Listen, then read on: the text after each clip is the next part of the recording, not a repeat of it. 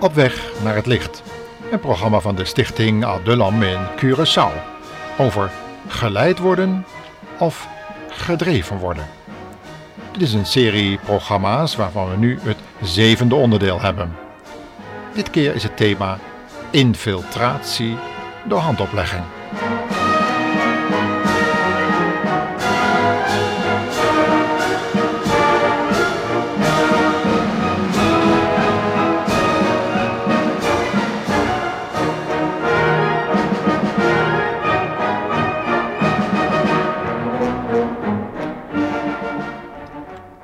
Welkom luisteraar in het Bijbelstudieprogramma van de Stichting Adullam.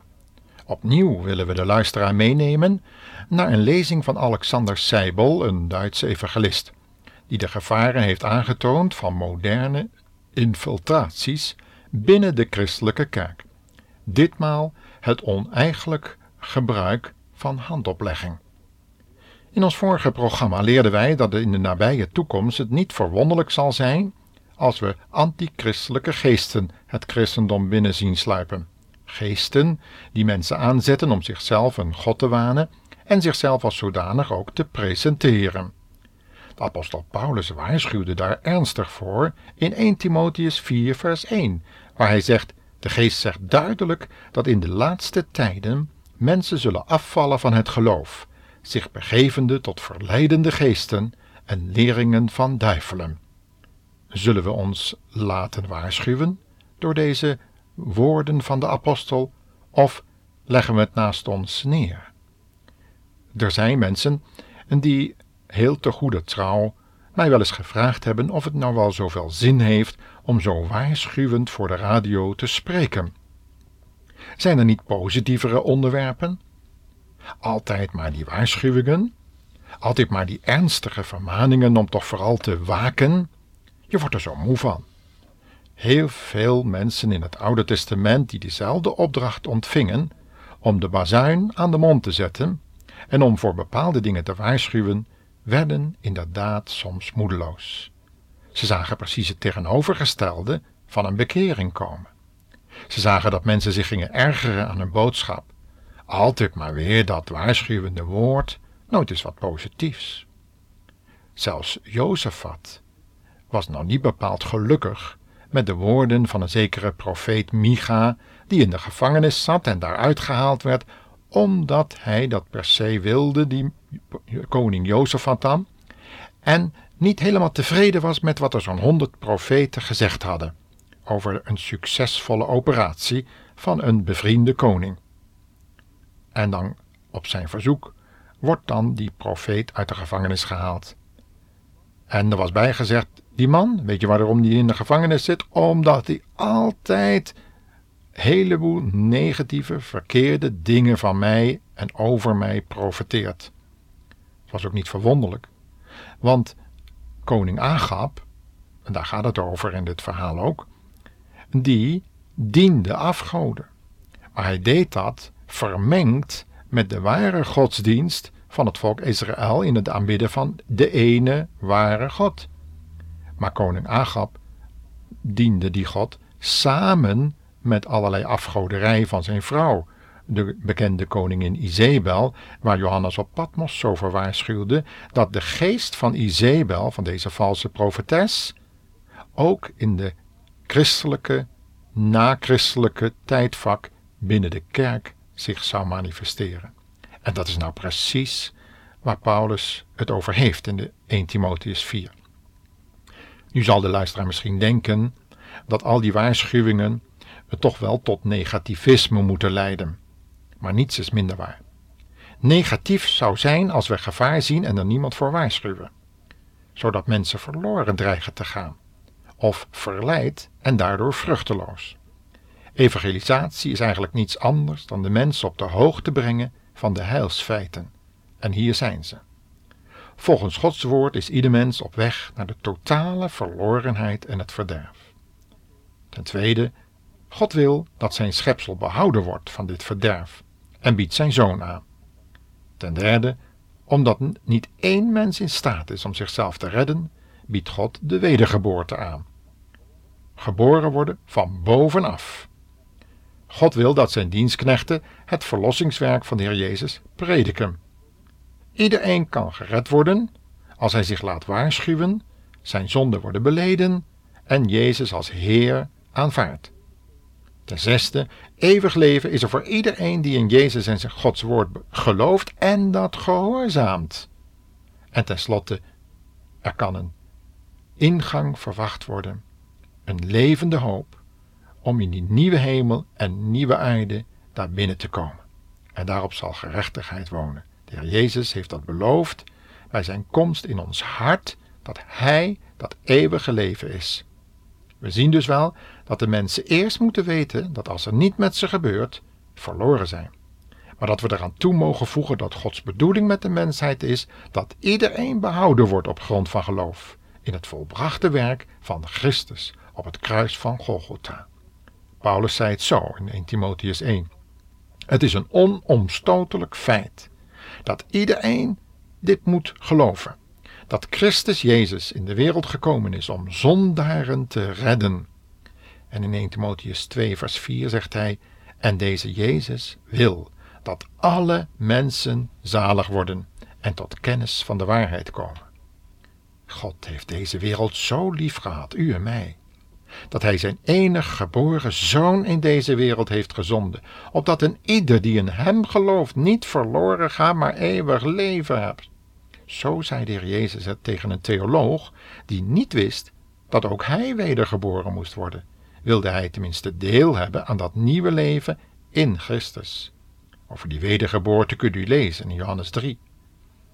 Maar de Heer Jezus heeft de mensen ook gewaarschuwd voor het verderf dat wacht voor ieder die niet tot geloof wil komen. Hij heeft gezegd welke grote dwaalgeesten het christendom zouden proberen op een dwaalspoor te brengen. Hij wist dat vele mensen niet tot een echte overgave of wedergeboorte konden komen vanwege het feit dat zij de waarheid niet op de juiste manier hadden gehoord. Dat het niet als een tweesnijdend scherp zwaard was gekomen, wat dus geest en ziel scheiding brengt. Ja, dat is helaas een feit. Veel mensen kunnen niet tot geloof komen, omdat, juist, christenen in de weg staan omdat ze ze niet gehoorzaam zijn aan het woord van God. Paulus vertelt over de prediking in Romeinen 10, vers 17, dat het geloof is uit het gehoor en het gehoor door het woord van God. En dat is waar. Maar wij als gelovigen kunnen de invloed van dat woord van God, de werking van de Heilige Geest, bedroeven en zelfs uitblussen, ondanks dat dat woord van God nog steeds gepredikt wordt dan worden de oren van de luisteraars gesloten doordat onze wandel in tegenspraak is met wat, wat wij zeggen. Het is dus zaak om het woord van God op de juiste manier voor te stellen en de heiligmaking, zonder welke niemand de Heer kan zien, om die ook in praktijk te brengen.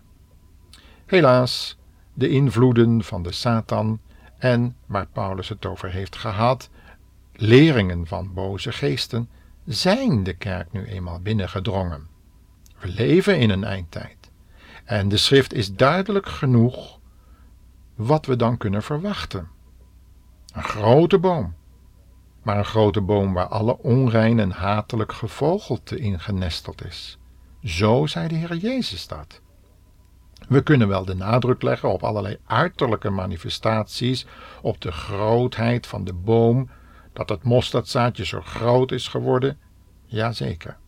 Maar wat is ervan terechtgekomen? Is het wel rein? Paulus heeft in 1 Timotheus 5, vers 22 gezegd: Pas op, leg niemand haastig de handen op. Bewaar uzelf rein. Kijk niet naar het uiterlijk. We zien dus eh, dat een te snelle handoplegging hoewel het een volkomen bijbelse handoplegging kan zijn, een handeling dus kan zijn, toch met de nodige voorzichtigheid en navraag gedaan dient te worden. Wie is de persoon? Is hij nog gebonden, dan moet je hem niet de hand opleggen.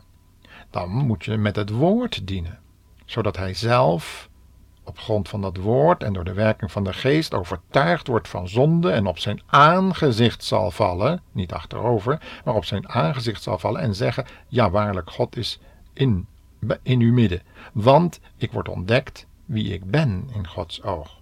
En dan zal hij zich bekeren. En wanneer we dat niet doen, zullen we onszelf ook niet rein kunnen bewaren wanneer we dan toch de handen opleggen, zonder dit soort navraag zelfs het bidden in een zogenaamd kringgebed, waarbij de deelnemers elkaar de handen vasthouden, kan niet zonder voorbereidend onderzoek. Waar men elkaar voor het eerst ontmoet en elkaars achtergronden niet kent, moeten we ons van zulk soort gebeden onthouden. Zeker in deze tijd van verwarring. Persoonlijk heb ik helaas verschillende malen moeten ervaren, proefondervindelijk, hoe praktisch deze waarschuwingen van de schrift zijn. Want na lichamelijk contact met een niet geïdentificeerde of niet voldoende geïdentificeerde christen, niet gereinigde gelovige, heb ik moeten ervaren dat ik slechts door beleidenis en gebed vrij kan komen van de gebondenheid waar mijn ziel op dat moment in kwam. Ik had zelfs voorbeden van anderen nodig om weer rein te kunnen denken en leven. Evangelist Alexander Seibel zei in zijn lezing over dit onderwerp onder andere dat het ernstig wordt wanneer het men denkt dat door middel van handoplegging de Heilige Geest overgedragen kan worden. Want in Handelingen 17 staat immers: De God die de wereld gemaakt heeft en alles wat daarin is, deze zijnde een Heere van hemel en aarde, woont niet in tempels met handen gemaakt en wordt niet van mensenhanden gediend als iets behoevend. De Heilige Geest wordt alleen door God gegeven en komt op grond van geloof in de mens wonen en wanneer dat gepasseerd is, kunnen wij de hand opleggen door te erkennen dat dat heilsfeit heeft plaatsgevonden. In Efeze 1, vers 13 staat namelijk: Wij die in Christus gehoopt hebben, in welke gij ook zijt, nadat gij het woord der waarheid, namelijk het evangelie uw zaligheid, gehoord hebt, in welke gij ook nadat gij geloofd hebt, zijt verzegeld geworden met de Heilige Geest der belofte. En in Handelingen 5 zegt Petrus: Wij zijn zijn getuigen en ook de Heilige Geest, welke God gegeven heeft aan degenen die hem gehoorzaam zijn. En wat die gelovigen in Samaria betreft, die tot geloof waren gekomen, maar nog niet de Heilige Geest ontvangen hadden, dat was nodig omdat Petrus sleuteldrager was en hij deze Samaritanen moest binnenleiden door zijn handoplegging. En toen zij binnen waren, wat bij Cornelius het geval werd zonder handoplegging, toen kon de Heilige Geest zich manifesteren.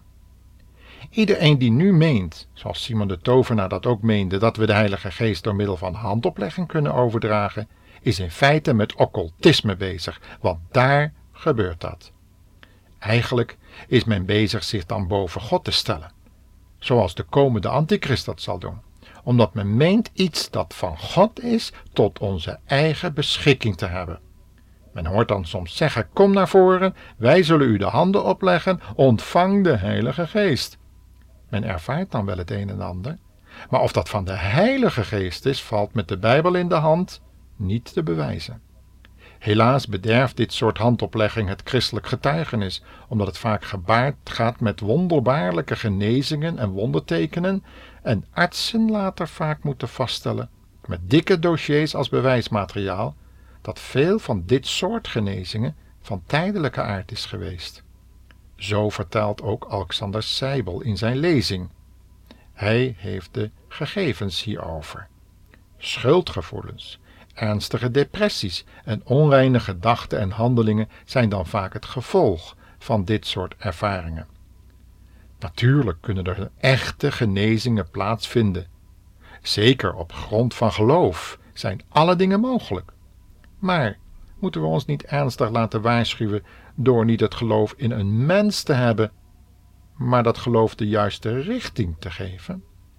In Ezekiel 33, vers 7 staat er duidelijk dat wij als wachters behoren te zijn. En als wij het gevaar zien aankomen, moeten en willen wij en durven wij ook te waarschuwen. En wanneer we dat niet doen, zal God ons de schuld toerekenen. Zegt vers 8. Durven we dat risico op ons te laden? Durven wij inderdaad datgene te na te laten waartoe God ons opdracht heeft gegeven? Laten we toch voorzichtig zijn, beste luisteraar. In een volgend programma zullen we de leer van de passiviteit behandelen, die vaak met dit soort handoplegging gepaard gaat. Passiviteit, waarbij het verstand dient uitgeschakeld te worden en er een vorm van meditatie komt die veel meer lijkt op de herhaaltechnieken van de Oosterse meditatieve religies en de technieken van de hypnotiseur.